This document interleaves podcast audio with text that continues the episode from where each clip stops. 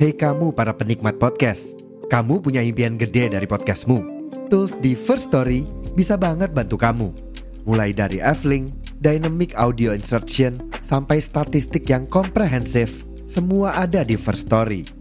Gak ketinggalan, kamu bisa monetisasi podcastmu lewat iklan dari First Story Ads yang bisa kasih kamu penghasilan dari setiap place podcastmu. Yuk gabung sekarang dengan klik di firststory.me. Sekali lagi, di firststory.me. Mari kita bawa mimpi podcastingmu menjadi kenyataan.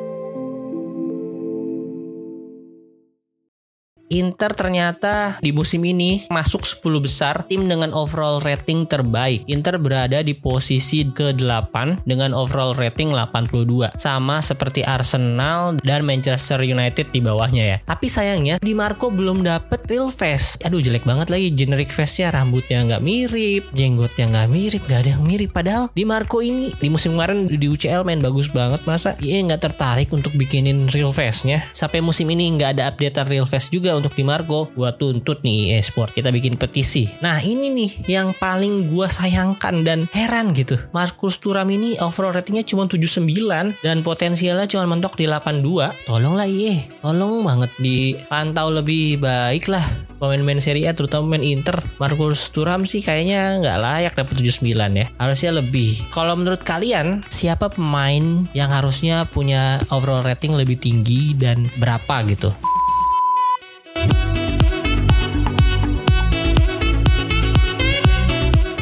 Halo, selamat pagi, siang, sore, dan malam. Kembali lagi di Interisme Podcast, podcast yang bahas berita-berita seputar Inter yang dibawakan secara monolog oleh gua Aldi, seorang Interista yang lahir tahun 90-an. Kali ini gua sendiri nggak mengajak bintang tamu untuk diinterview dan gua ngetek tanggal 29 September 2023. Kali ini gua nggak mau membahas pertandingan Inter ya karena lagi gak mood aja. Kemarin baru kalah 1-2 lawan Sassuolo di Giuseppe Meazza seperti biasa Berardi selalu jadi momok yang menakutkan untuk Inter. Dia cetak satu gol satu assist. Gue nggak mau ngomong panjang lebar review pertandingan ya karena udah banyak juga. Gue udah nge-review di channel YouTube pinusi.com di pinball. Itu gue ngobrol bareng teman-teman pecinta Serie A lainnya di sana. Jadi kalian bisa tonton aja di sana di YouTube. Pokoknya intinya menurut gue Inter agak kelelahan sedikit kelelahan ya menurut gue terutama kalau kita lihat dari Mkhitaryan yang sangat jelas nggak ada impactnya di pertandingan kemarin. Ada tapi mungkin ya dikit lah. Terus duet Turam Lautaro juga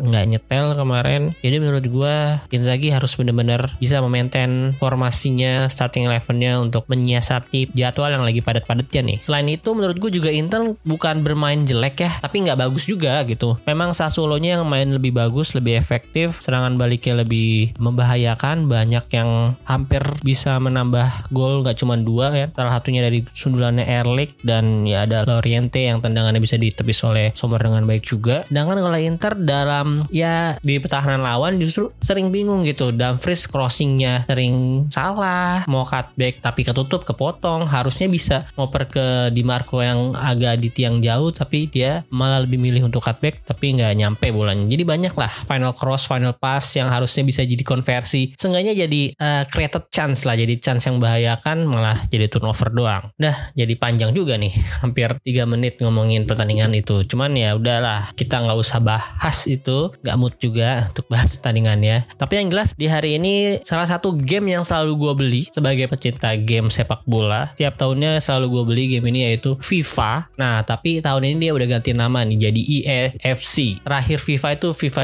23 yang kemarin musim kemarin lah ya. Musim 2022-2023 musim ini musim 2023-2024 namanya menjadi EAFC 24 tepat di hari ini dia merilis game yang standard edition ya. Untuk yang yang Ultimate Edition udah dirilis seminggu sebelumnya tanggal 22 berarti kalau nggak salah ya. Dan di tanggal 29 ini merilis Standard Editionnya untuk semua konsol. Gue sendiri belum beli tapi akan beli karena biasanya gue beli itu nunggu diskon dulu ya. Karena harganya cukup merogok koceh yang lumayan ya untuk anak kosan seperti gue. harganya satu jutaan. Mungkin gue bacain dulu price listnya untuk semua platformnya, semua konsol. Ini untuk PS dulu yang gue biasanya main di PS ya. Gue masih PS4. Nah yang musim ini harganya sama nih PS4 sama PS5. Jadi kayaknya kayaknya emang beli gamenya itu udah bisa dimainin ke PS4 atau PS5. Kayaknya musim kemarin di FIFA 23 tuh belum. Harganya masih lebih mahal yang PS5 yang pasti karena beda lah, gak beda jauh sih. Cuman di PS5 tuh ya jelas grafik lebih bagus, terus ada hyper motion ininya lah, teknologinya itu. Gue juga kurang ngerti. Yang jelas beda lah. Ada kamera khususnya juga untuk yang di konsol PS5. Untuk yang di PS sekarang sama harganya PS4 PS5 yang standard edition di harga satu juta rupiah, yang Ultimate Edition di harga empat 409.000 beda 400.000 nih. Kemudian di konsol saingannya yaitu Xbox ya. Dia juga kayaknya udah nyamain harga nih. Kan biasanya ada di Xbox yang yang sebelum X series sekarang. Nah pokoknya intinya ya, ya secara PS5 nya gitu. Karena udah disamain juga. Harganya itu lebih mahal sedikit untuk yang standard edition 1.045.000 yang Ultimate Edition satu juta empat ratus sembilan puluh empat ribu. Lagi-lagi beda empat ratusan, ini empat ratus lima puluh ribu berarti bedanya. Yang paling mahal itu di Xbox. Nah untuk Nintendo Switch harganya lebih murah sedikit dibandingkan PS yang standar, harga standar. Dan di Nintendo Switch nggak ada yang Ultimate Edition, hanya Standard Edition harganya 896 ribu. Nah ini untuk yang nggak punya konsol, yang lebih suka main di PC, yang PC-nya spek gaming banget, mungkin bisa main di sini biasanya. Bisa lewat yang resmi sih tiga ya. Setahu gue, gue nggak tahu ada yang resmi lagi atau enggak. Ini soalnya gue lihat juga dari situs EA Sportnya ya. Ini di EA Sportnya jadi kalian bisa tinggal klik yang buy now. Nah itu nanti ada pilihan beberapa konsol yang kalian punya. Untuk PC kalian bisa beli lewat Steam, Epic Game Store atau EA App. Harganya sama semua. Standard editionnya 759.000, Ultimate editionnya 1.139.000. Jadi ini untuk di PC lebih murah harganya ya. Cuman karena yang modalnya sih memang harus uh, PC spek gaming banget sih kalau mau yang lancar gitu mainnya. Terus modal stick lagi. Jadi ya kalau dihitung-hitung mungkin sama aja. Cuman kalau PC kan kegunaannya bisa lebih banyak nggak cuma main game doang gitu. Oke itu untuk harganya ya. Jadi sekali lagi gue belum beli. Gue akan beli tapi nunggu diskon. Biasanya tuh di bulan Oktober udah diskon lah ya. Hmm, diskon-diskon Halloween tuh. Terus gue nunggu Black Friday lah. Pokoknya tungguin diskon itu tuh udah lumayan diskon 30-40% lah baru beli.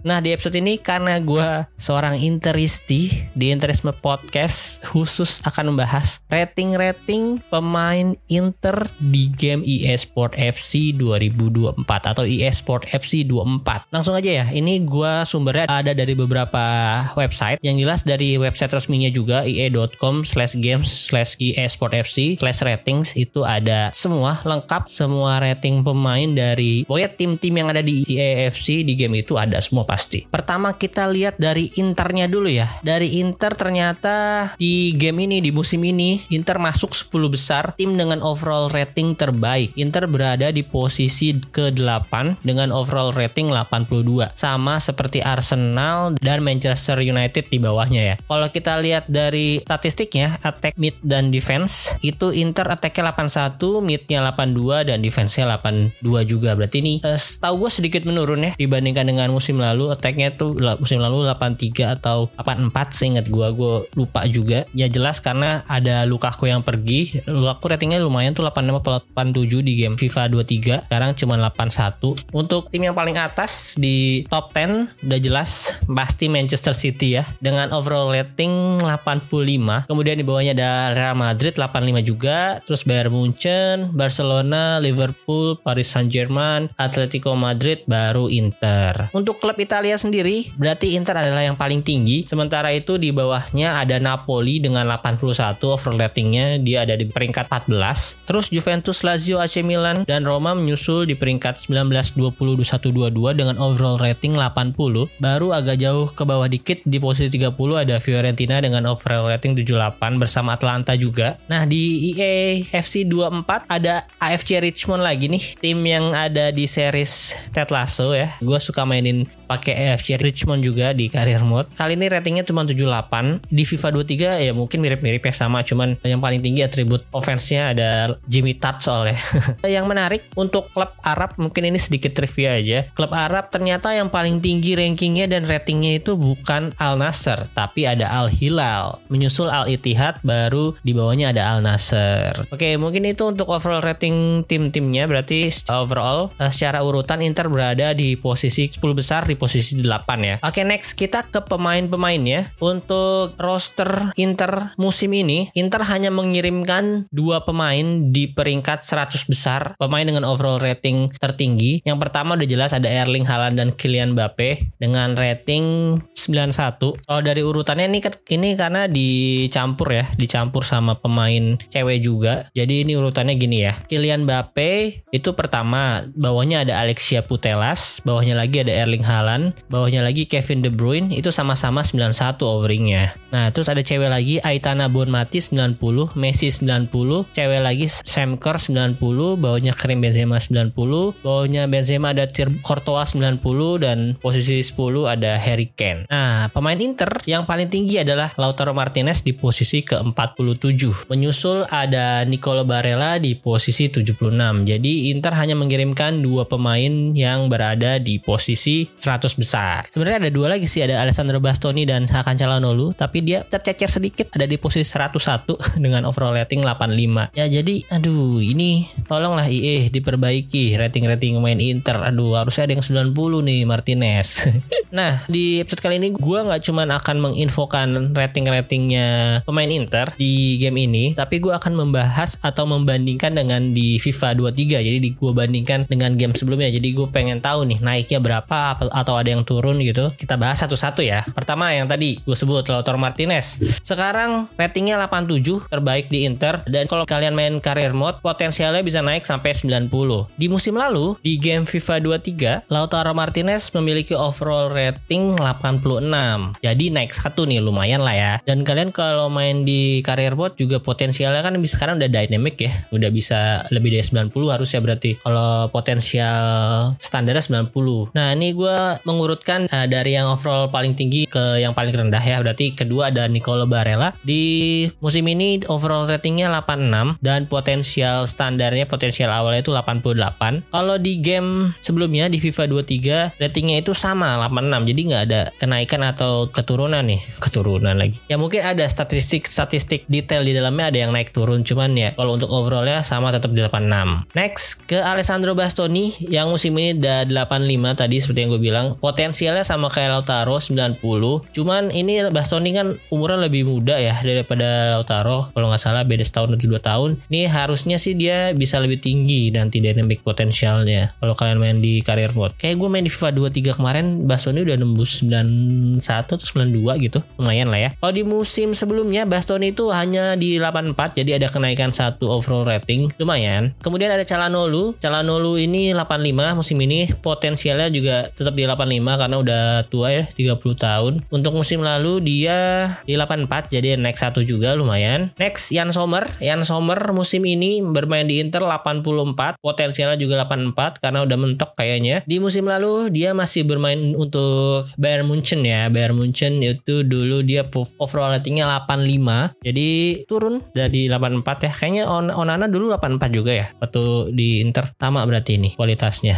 Next ada Benjamin Pavard. Benjamin Pavard di Inter musim ini overall ratingnya 83, potensial 84. Di musim lalu dia masih ini kalau gue lihat gue sih nggak yakin juga nih karena ada dua versi yang berbeda. Di situs resmi IE itu overall ratingnya Benjamin Pavard cuma 79.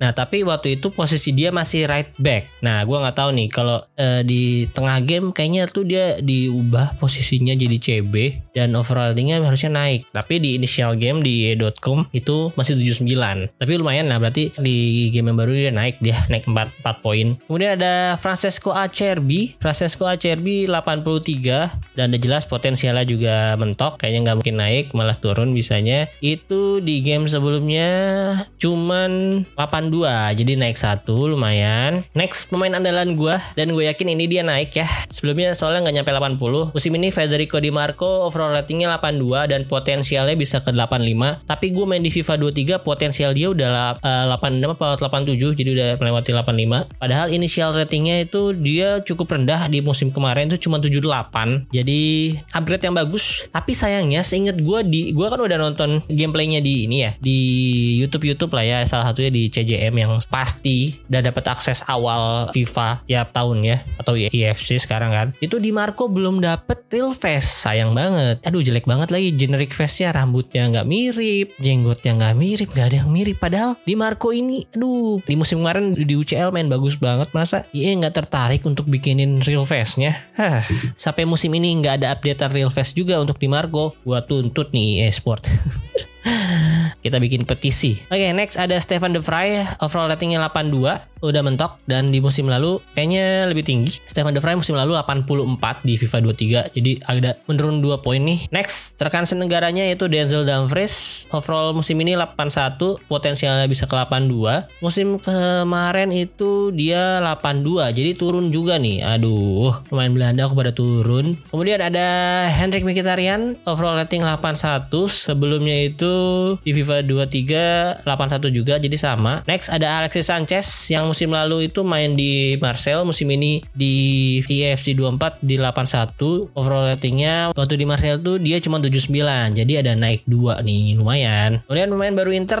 ada Davide Fratesi, overall ratingnya 80, potensialnya bisa ke 86. Di game sebelumnya di FIFA ketika dia main di Sassuolo, overall ratingnya cuma 77 ya. Jadi lumayan naik 3 poin dan potensialnya bisa ke 86. Jadi untuk teman-teman yang mungkin dengerin bukan fans Inter, ini adalah pemain yang worth to buy juga kalau kalian main karir mode Next ada Juan Cuadrado, si ganteng yang sebelumnya main di Juve. Ini overall ratingnya 80 dan udah mentok. BTW dia 5 star skillers ya di EFC 24 ini dia 5 star skiller, dia skill move-nya 5 dan kayaknya di Serie A itu cuman ada 3 atau 2 ya.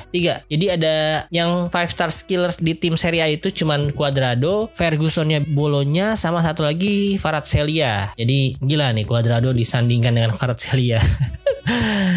Oke, di musim sebelumnya di FIFA 23 dia si Cuadrado main di Juve itu ratingnya cukup tinggi ini gue juga waktu ngecek-ngecek kaget karena kan kita nggak pernah pakai Cuadrado ya waktu di FIFA 23. Beli pun nggak kepikiran dia tuh ratingnya 83 loh. 83 dan dia punya PES 90. Larinya masih kenceng juga ternyata ya. Padahal umurnya udah 35 juga waktu di game sebelumnya. Sekarang berarti udah 36 dan wajar ya dia turun 3 poin karena cederaan juga dan udah 36 tahun umurnya. Next ada Matteo Darmian, overall rating 80, potensial udah mentok. Di game sebelumnya Matteo Darmian juga 80 80 jadi nggak ada naik atau turun. Kemudian ada pemain baru Inter Marco Arnautovic itu overall ratingnya di 80 potensial mentok dan di tim sebelumnya di Bolonya dia itu lebih bagus ada di 82 overall ratingnya jadi turun 2 poin. Next Selanjutnya ada Carlos Augusto pemain baru juga. Nah ini juga lumayan ada kenaikan yang cukup signifikan ya. Di musim ini Carlos Augusto 79 overall ratingnya dan punya potensialnya di 84. Sedangkan di musim lalu dia itu cuma 73. Jadi naik 6 poin dan umurnya juga masih muda ya 24 masuk ke 25 mungkin musim ini. Jadi harusnya potensialnya masih bisa nambah lagi tuh nggak cuma 84. Dan dulu tuh di Monza dia posisinya ke LM lebih ke LM. Kalau sekarang harusnya udah dikonversi ke LWB ya. Eh tapi masih LM nih, harusnya diupdate nih player cardnya sama posisinya si Carlos Augusto. Di FIFA ayo dong, tolong lebih menelisik atau lebih detail lagi untuk uh, pemain-pemain dari Serie A. Kan license juga Serie A kan. Next ada kiper baru Inter, Emil Audero yang musim sebelumnya main untuk Sampdoria. Musim ini di Inter 79 ratingnya, potensialnya ke 82. Kalau di musim sebelumnya main di Sampdoria di FIFA 23 dia overall ratingnya di 78 jadi ada peningkatan satu poin lumayan lah ya. Dan masih bisa berkembang juga. Jadi kayaknya untuk kiper kedua kalau kalian main karir karir mode nggak usah beli dulu di musim-musim awal. Kecuali kalau Ian Sommer udah pensiun atau kalian mau jual. Nah ini nih yang paling gua sayangkan dan heran gitu. Marcus Thuram ini overall ratingnya cuma 79 dan potensialnya cuma mentok di 82 tolonglah iya tolong banget dipantau lebih baik lah pemain-pemain Serie A terutama pemain Inter Marcus Thuram sih kayaknya nggak layak dapat 79 ya. Harusnya lebih. Ya mungkin di early early 80 81 atau 82 lah. Kalau dilihat dari permainannya di Inter sekarang lah ya. Dan lebih kagetnya lagi nggak sih. Ya dia di musim lalu bermain di Mönchengladbach oke. Cuman masa cuma 78 sih? Dan pace-nya cuma 81 di FIFA 23 ini tuh dia lumayan kenceng loh larinya. Masa 81 doang sih? Yang baru nih di EFC 24 cuma naik 3 doang jadi 84 sekarang Gimana menurut kalian? Apakah harusnya Turam itu lebih tinggi ya pace-nya? Untuk selanjutnya ada Stefano Sensi dengan overall rating 78 dan mentok juga sayang sekali ya potensialnya mentok. Harusnya bisa lebih baik ini Sensi. Aduh, sayang sih cederaan emang. Di musim lalu dia main di Monza, overall ratingnya juga sama cuma 78. Next ada Davy Klaassen, pemain Belanda juga yang di Inter dan sama, iya dia turun juga seperti De Vrij dan Dumfries. Musim ini dia 76 overall ratingnya, potensial udah mentok dan di musim lalu dia itu berada di overall rating 79, turun 3 poin.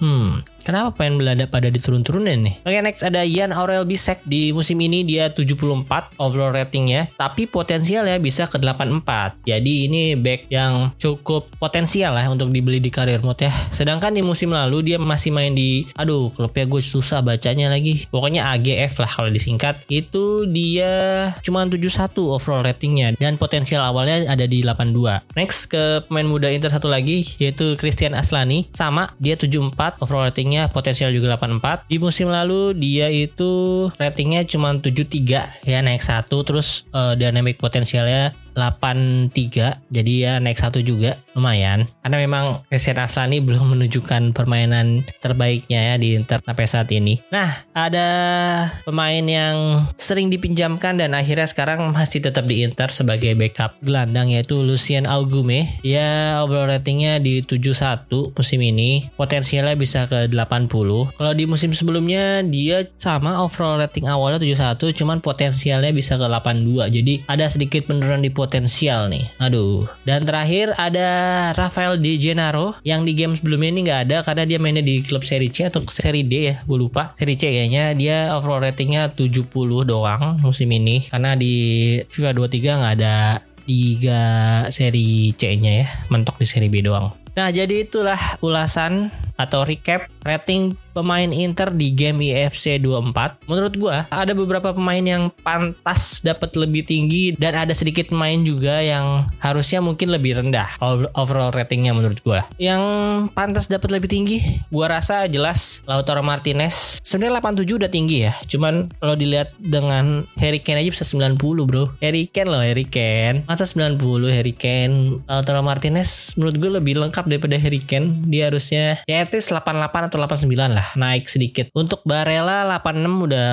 wajar Bastoni juga wajar Calhanoglu mungkin agak sedikit naik lagi ke 86 karena dia atribut defense-nya sekarang harusnya lebih baik, fisikalnya juga lebih baik karena di sini dia cuma 70 nih defense-nya. Wah, ini sih nggak nonton bola nih. Padahal sekarang akan jalan dulu defense-nya udah ya menurut gue jauh lebih baik lah dibandingkan dia main di Milan dan di Inter dua musim sebelumnya gitu. Role-nya sekarang udah dipaksa untuk dia harus bisa defense bagus juga soalnya kan. Ian Sommer 84 oke. Okay. Uh, yang agak sedikit ketinggian nih menurut gue. Uh, ada Francesco Acerbi dan Hendrik Mkhitaryan. Ya Miki masih oke okay sih kemarin kalau kita lihat dari performanya ya. Cuman kan sekarang ACRB 83. Menurut gue harusnya sedikit lah turun dikit 82 sama kayak Stefan De Vrij dan Mkhitaryan sekarang 81 mungkin harusnya 80 itu sih. Darmian ya setuju 80. Nah sama Markus Thuram udah jelas tadi udah gue udah gue bilang juga kan Markus Thuram layak di 82 lah. Masa kalah Markus Thuram sama Aidin Zeko. Fratesi 80 masih wajar. Yang lain sih oke okay, menurut gue ya. Layak-layak aja Aurel Bisek 74 karena belum kelihatan apa-apa. Aslannya juga masih 74 mungkin harusnya sedikit Aslani naik ya 75 karena dia visinya lumayan oke okay, passingnya juga uh, bagus-bagus long passnya short passnya jadi naik sedikit lah harusnya Aslani kalau dari secara growth berarti yang paling tinggi ada di Carlos Augusto ya sebelumnya 73 sekarang jadi 79 naik 6 poin terus ada di Marco tadinya 78 sekarang 82 di Marco juga menurut gua harusnya agak naik dikit deh 83 deh harusnya. Masa PS cuma 79 di Marco at least 80-an lah. Kalau yang turunnya lumayan jauh berarti Davi Klassen Davi Klassen dari 79 ke 76 Arnautovic turun 2 poin 82 ke 80 Cuadrado 3 poin 83 ke 80 lainnya nggak ada yang terlalu signifikan jadi itu mungkin recap dari episode kali ini. Nah kalau menurut kalian kalian boleh tulis di komen atau di mention di Twitter. Atau sekarang kan Spotify udah ada kolom reply atau kolom komen kalian di situ lah berinteraksi menurut kalian siapa pemain yang harusnya punya overall rating lebih tinggi dan berapa gitu harusnya jadi berapa nih misalnya ya kayak tadi gue bilang Markus Thuram sekarang 79 harusnya 82 kalau versi kalian gimana gimana nih? Ada nggak tuh yang harusnya dapat overall rating lebih baik dari yang sekarang EA keluarin nih? Ini juga gue ada sedikit informasi tambahan buat kalian yang suka main career mode. Kalau gue sih ya awal-awal doang lah suka main foot ya. Foot itu FIFA Ultimate Team jadi yang pakai kartu-kartu lah harus beli nggak harus beli sih. Koinnya kalian bisa dapetin dari dengan main gamenya gitu. Cuman kalau mau instan ya beli koin EA koinnya lah. Apa EFC koin lah sekarang. FIFA koin dulu namanya kan. Karena gue nggak terlalu sering main online. Foot kan itu online. Sparring lawan musuh lah lawan player beneran gitu. Bukan AI bukan bot. Gue jarang main foot. Gue seringnya pasti main career mode. Entah itu pakai Inter atau pakai tim-tim dari divisi bawah. Biasanya kan kalau youtuber-youtuber mainnya itu salah satunya si CJM si Calvin itu Road to Glory. Road to Glory pakai tim-tim dari divisi bawah untuk main sampai atas. Emang paling seru pakai tim dari divisi 4-nya Inggris ya karena jenjangnya lumayan panjang tuh ada banyak. Yang terakhir dia pakai kru Alexandra. Nah kalau gue ya pasti tama-tama pakai Inter dulu. Terus kalau di musim kemarin gue juga sempat pakai Como, pakai Venezia, Empoli. Gue lebih sering di Italia sih. Nah kalau gue sih biasanya beli pemain-pemain Indonesia ya.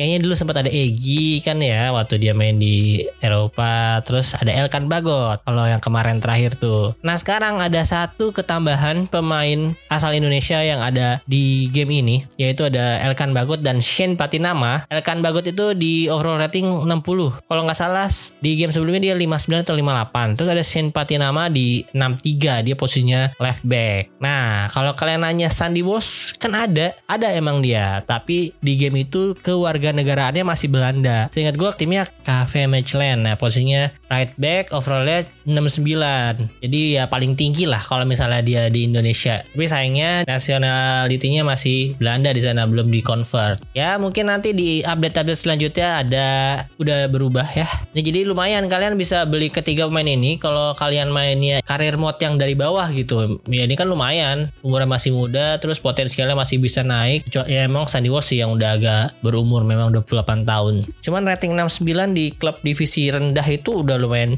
tinggi. Biasanya itu cuma 50-an klub-klub divisi 4-nya Inggris tuh. Jadi lumayan bisa dibeli. Ya sayangnya Ivar Jenner sama si Rafael Strick belum ada ya karena mereka masih main di Jong di tim mudanya tim-tim Belanda tersebut. Ya semoga aja nanti mereka bisa diorbitin atau dinaikin ke tim utamanya ya. Kalau salah yang satu di Utrecht, satu lagi di mana lupa deh. gue nggak terlalu ngikutin.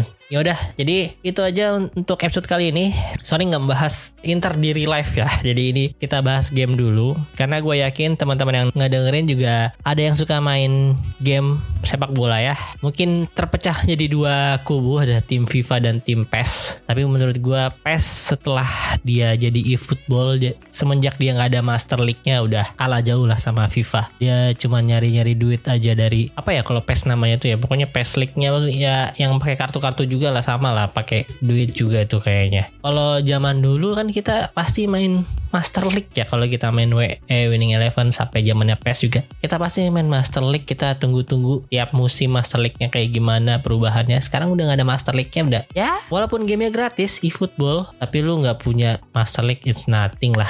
Terus timnya juga dikit banget ya Allah. Lisensinya dikit banget. Konami Konami. Udah, udah jadi gue sampai saat ini masih sering main FIFA main EFC 24 dan kayaknya gue akan beli di bulan depan di bulan Oktober. Nunggu diskon Black Friday.